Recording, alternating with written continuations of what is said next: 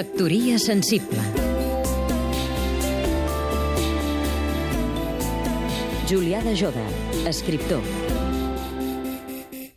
Aquests dies s'estan gestant diferents manifestos de suport a la celebració de la consulta del 9 de novembre signats per narradors, poetes o professors universitaris, tot i coberts a la ciutadania en general. A banda d'això, té lloc una exposició de 80 artistes al Museu d'Història de Catalunya amb obres que reivindiquen el dret a fer la consulta. Aquestes iniciatives em porten al record dels temps de la dictadura franquista, quan intel·lectuals i artistes, els abajo firmantes, feien peticions als poders públics, que solien circular clandestinament, abans de ser publicats en diaris estrangers, en solidaritat generalment amb treballadors i estudiants reprimits per oposar-se al règim. Eren els temps del compromís, que amb l'arribada de la democràcia semblava que havia de desaparèixer en benefici de les peticions reglamentàries al poder representatiu.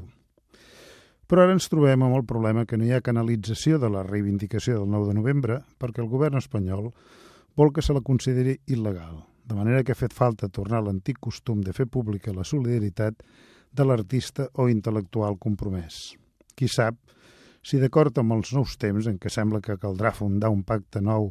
entre ciutadans i poders públics, la figura del sotassignat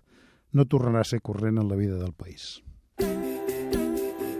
Factoria sensible